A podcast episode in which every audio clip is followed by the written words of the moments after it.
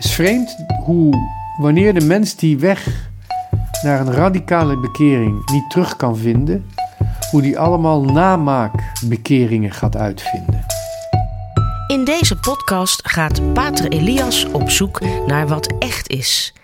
Hij gaat de uitdaging aan om een zo helder mogelijk beeld te vormen van hoe de wereld in elkaar steekt. Dit is de Pater Podcast. Wanneer we kijken naar de hemelvaart in de Bijbel, wat daarover beschreven staat, dan zien we eigenlijk dat tot eigenlijk op het moment van de hemelvaart zelf de leerlingen verlangen naar een revolutie, een totale omwenteling van de machten van deze wereld. En dat Jezus daar op een hele bijzondere manier op ingaat. Het revolutionaire denken wordt door Jezus niet zomaar afgewezen, maar het wordt doorverwezen.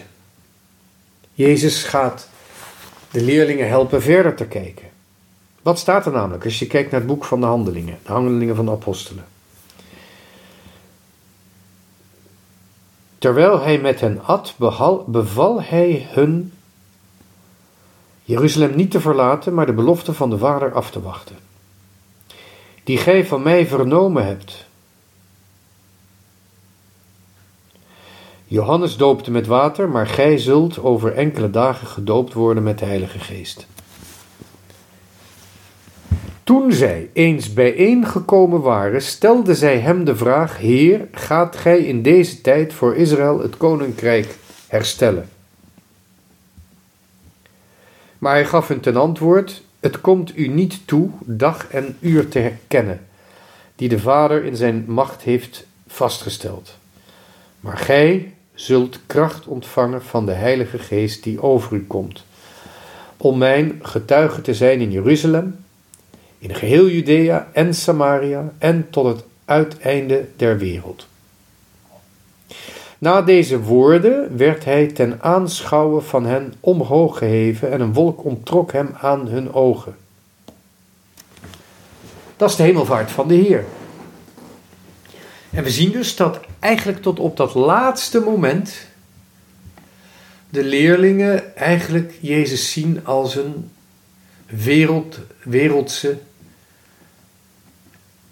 leider, bevrijder, revolutionaire leider die het koninkrijk gaat herstellen. En dat, zal on, dat, dat kan ons heel erg verbazen, van, van hebben ze nou nog niks geleerd? Maar tegelijkertijd is het eigenlijk heel, heel menselijk, heel eerlijk. In die wereld zo vol onrecht en onderdrukking en ellende. Ja, als je dan iemand bent gevolgd door zulke ongelooflijke extreme gebeurtenissen met wonderen, doden die uit het graf worden geroepen. Vervolgens die leraar die je volgt, die wordt gekruisigd, dus die gaat door de meest extreme, schaamtevolle, afschuwelijke dood heen en, en verrijst dan. Ja, natuurlijk, heel menselijk om hem dan te zeggen, ga je nu eigenlijk de zaak eens een beetje rechtzetten, want blijkbaar heb je de dood overwonnen, nou dan kan, dan kan niemand je iets maken. Dus het is heel menselijk en dat, dat moeten we ook, denk ik, ehm, in, in onze overwegingen meenemen. Dat het, het, de, de, het heel, heel normaal is wat, wat, wat de leerlingen daar, daar aan Jezus vragen. Ga je nu, ga je nu, gaan we nu echt een, een revolutionaire beweging eh, beginnen? Ga je ons bevrijden? Ga je ons ook een beetje van die onsterfelijkheid geven.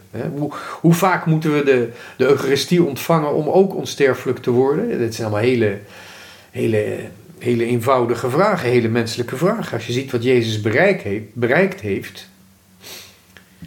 Ja, en toch, Jezus kijkt verder. Jezus verwijst ze naar de Vader. En hij verwijst ze naar een, een gave. Een gave die gaat komen, de Heilige Geest. Gij zult een kracht ontvangen van de Heilige Geest die over u komt. Om mijn getuige te zijn.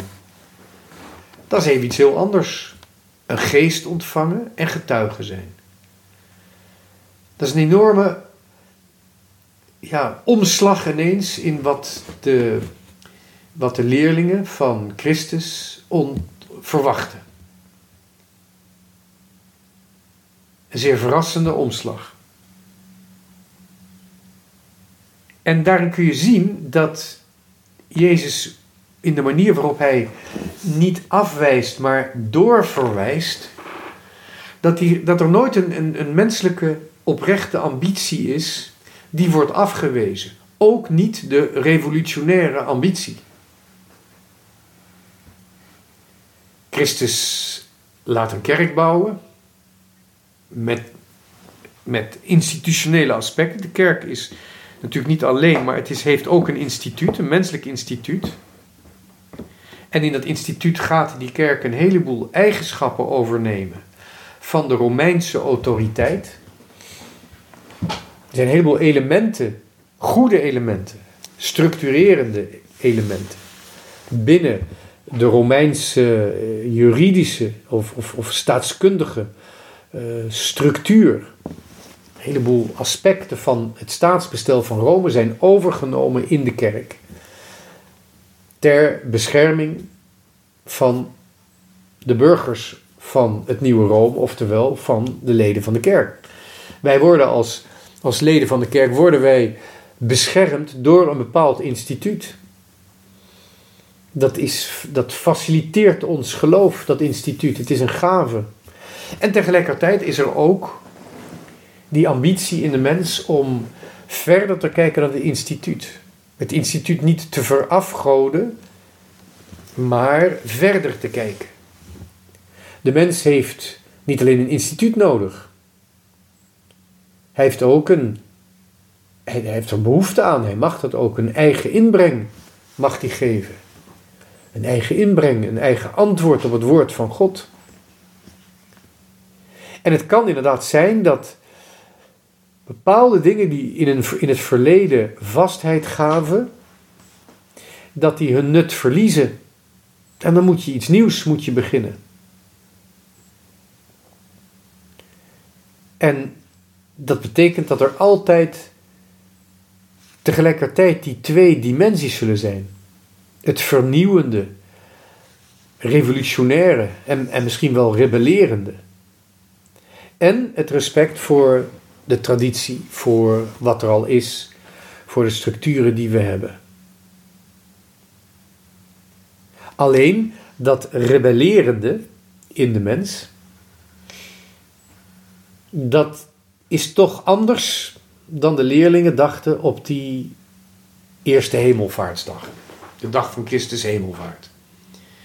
Dat is toch iets anders, omdat de rebellie die we in ons mogen hebben, die woede tegenover onrecht, die richt zich allereerst op ons, op ons eigen onrecht, op onze eigen zonde. Revolutie, de echte revolutie, is de bekering. De echte revolutie is je verdedigen tegen de bekoringen. Tegen de slechtheid van, van de duivel. Dat, zijn, dat is de echte strijd waar we mee beginnen. Dat is de revolutie die God ons laat zien. De revolutie tegen de zonde.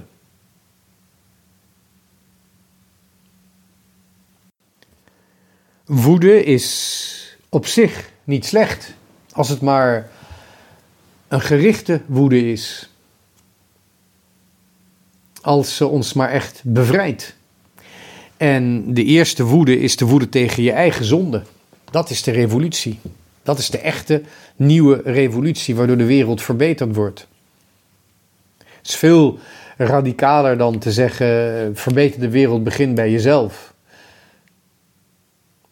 Dat is nog te gematigd eigenlijk. Nee, verbeter de wereld.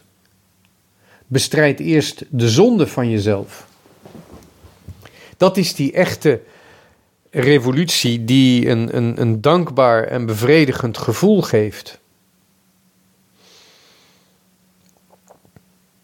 Dat is een revolutie die niet tegen de Vader is, de Hemelse Vader, maar met de Hemelse Vader tegen de duivel.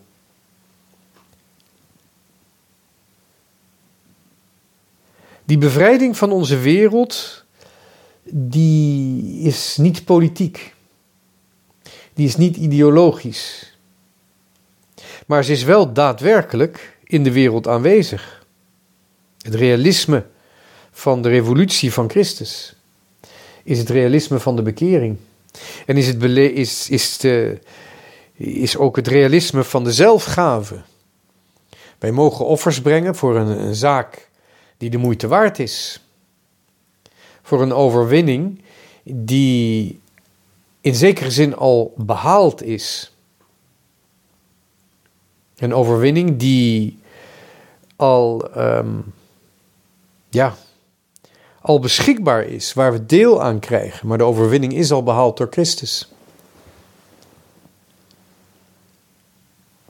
En wanneer je kijkt naar onze tijd, dan zie je ook dat als dat evangelie van onze persoonlijke bekering, als dat verloren gaat, als er niet meer over zonde wordt gepraat, als er niet meer over bekering wordt gepraat, dat de mens dan toch die behoefte houdt aan, ja, aan een revolutie, aan een rebellie, aan het verleggen van grenzen, zoals het tegenwoordig heet. Ja, en dan wanneer het niet meer eigen bekering is, dan wordt dat, ja, kan het eigenlijk van alles worden. We hebben de laatste twee eeuwen, meer dan twee eeuwen inmiddels, sinds de Franse Revolutie hebben we telkens maar weer gehad dat die bekering, die radicale ommekeer in het leven, dat die ontkend is als, als bekering, als verzoening met de Hemelse Vader. En dat de mens dus een andere revolutie gaat zoeken. En dat is dan geen revolutie die leven geeft, maar het zijn iedere keer weer revoluties die kapot maken. De Franse Revolutie, die zo ongelooflijk veel kapot heeft gemaakt, omdat alles wat oud was, moest weg moest kapot worden gemaakt, omdat het, ja, de nieuwe tijd moest een utopie worden waarin alles beter was. De grote slachtpartijen, de echte genocides, die zijn begonnen met de Franse revoluties. De grote terreur, waarin je niet gedood wordt omdat je iets fout hebt gedaan, maar omdat je bij een bepaalde klasse hoort. Je bent een geestelijke, een priester, een non of een aristocraat. Dus je moest een kopje kleiner worden gemaakt. Wat dat betreft is het bijna fascinerend hoe de Fransen nog steeds vastzitten in die revolutie. Het lukt nog steeds niet, de revolutie. Ze willen het iedere keer weer proberen. Die merkwaardige combinatie die je eigenlijk alleen maar bij de Fransen tegenkomt van een heel verfijnde intellectuele opstelling. Heel beschaafd, heel vriendelijk. Eigenlijk zou ik zeggen verwijfd. En tegelijkertijd de meest gruwelijke oordelen uitspreken over anderen. Niet zo gek dat bijvoorbeeld de communistische leider van Albanië, Enver Hoxha, en ook Pol Pot van Cambodja, dat zijn je zou erover kunnen discussiëren, maar het zijn toch wel naast de Sovjet-Unie toch wel de meest extreem communistische leiders die de wereld gekend hebben. Enver Hoxha in Albanië en uh, Pol Pot in Cambodja. Die voor duizenden en duizenden levens verantwoordelijk zijn. Moorden verantwoordelijk zijn. Dat waren eigenlijk helemaal geen monsters, dat waren hele vriendelijke, in Frankrijk opgevoede jongens. En zoals ik al zei, als je ze ziet, als je op oude films ziet hoe ze zich gedragen, hoe ze praten, zijn het eigenlijk hele ja, intellectuele, beschaafde, verwijfde mannetjes. Het zijn types zoals, ik zou bijna zeggen, alleen Frankrijk die kan produceren. En dat zijn de, niet de fysieke, maar dat zijn de geestelijke monsters geweest die de afgelopen twee eeuwen hun revoluties hebben geleid. Die zijn uitgelopen op slachtpartijen. En niet alleen slachtpartijen, maar die ook die samenleving heel diepgaand ontworteld hebben. Die de mens op een hele radicale, manier hebben vervreemd van alles wat menselijk is. Je ziet het nog steeds vandaag in die landen waar deze communistische ideologieën hebben huisgehouden. Je ziet als het ware een soort van demonische imitatie van wat echte bekering is. Je ziet een, een demonische imitatie van wat echt een maatschappij definitief en vruchtbaar veranderen is. Wat in West-Europa, West-Europa is gebeurd door het kloosterleven, door het geloofsleven, door, zoals het heel mooi heet, de spiritualiteit. Dat hebben de communisten nooit kunnen nabootsen. Ze hebben het wel geprobeerd. Ze hebben met dwang en geweld en, en met leugen en met, met een collectieve absurditeit hebben ze geprobeerd een, een stabiele samenleving te maken, maar in feite het enige wat ze gedaan hebben is wat er was kapot maken. En nu proberen die volkeren ja, zichzelf een beetje terug te vinden. Maar dat gaat maar met zeer grote moeite. De enige ex-communistische landen waar, waar het goed gaat, dat zijn tot nu toe die Centraal-Europese landen geweest, die al een heel lang christelijk verleden hadden voordat ze uh, onder het communisme kwamen. En daarom is het ook zo vreemd dat die revolutionaire gedachte, het kapotmaken van wat was, dat dat zo ver doorgegaan is in het Westen, in het vrije Westen. En zonder dat men er erg in had, dat dat helemaal zich verplaatst heeft van een maatschappelijke rechtvaardigheid naar de menselijke seksualiteit.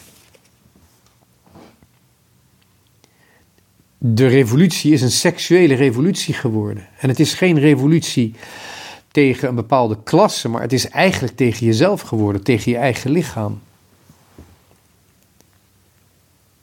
En het is werkelijk ongelooflijk zoals collectief de mensen daarin meegaan. De mensen die er zo diep van overtuigd zijn dat als je wijst op natuurlijke vruchtbaarheid. En de natuurlijke identiteit van man en vrouw. Als je daar alleen al op wijst, ja, dan ben je intolerant. je mag niet oordelen. Als je het vreemd vindt dat een kind van zes al een hormonenbehandeling krijgt omdat het van geslacht wil veranderen, of weet ik veel, acht jaar, dan, dan ben je ineens intolerant. Dan oordeel je. Nou, probeer dan maar eens tegen die collectieve massa-hysterie, probeer dan maar eens een zinnig woord in te brengen. Overigens, in Zweden wordt dat nu afgeschaft. Men wil geen hormonale therapie meer voor minderjarigen. Dus in Zweden, het land dat we altijd zo zien als vooruitstrevend, daar wil men nu af van geslachtsverandering van minderjarigen. Alsof ze opnieuw het wiel moeten uitvinden. Het is vreemd hoe wanneer de mens die weg naar een radicale bekering niet terug kan vinden, hoe die allemaal namaakbekeringen gaat uitvinden. En ook namaakschuldigen, namaakzondes. Showprocessen, dat is een van de favoriete bezigheden van het communisme geweest mensen net zo lang martelen tot ze allemaal dingen gaan bekennen. Het zijn vaak slimme mensen die dat moeten doen, want die zijn gevaarlijk voor het communistische regime. Showprocessen, grote aantallen mensen van onzin beschuldigen, met of zonder show, showproces, uit de samenleving verwijderen. Oftewel door ze neer te knallen, of te laten doodhongeren in Siberië, of op een andere manier om te brengen.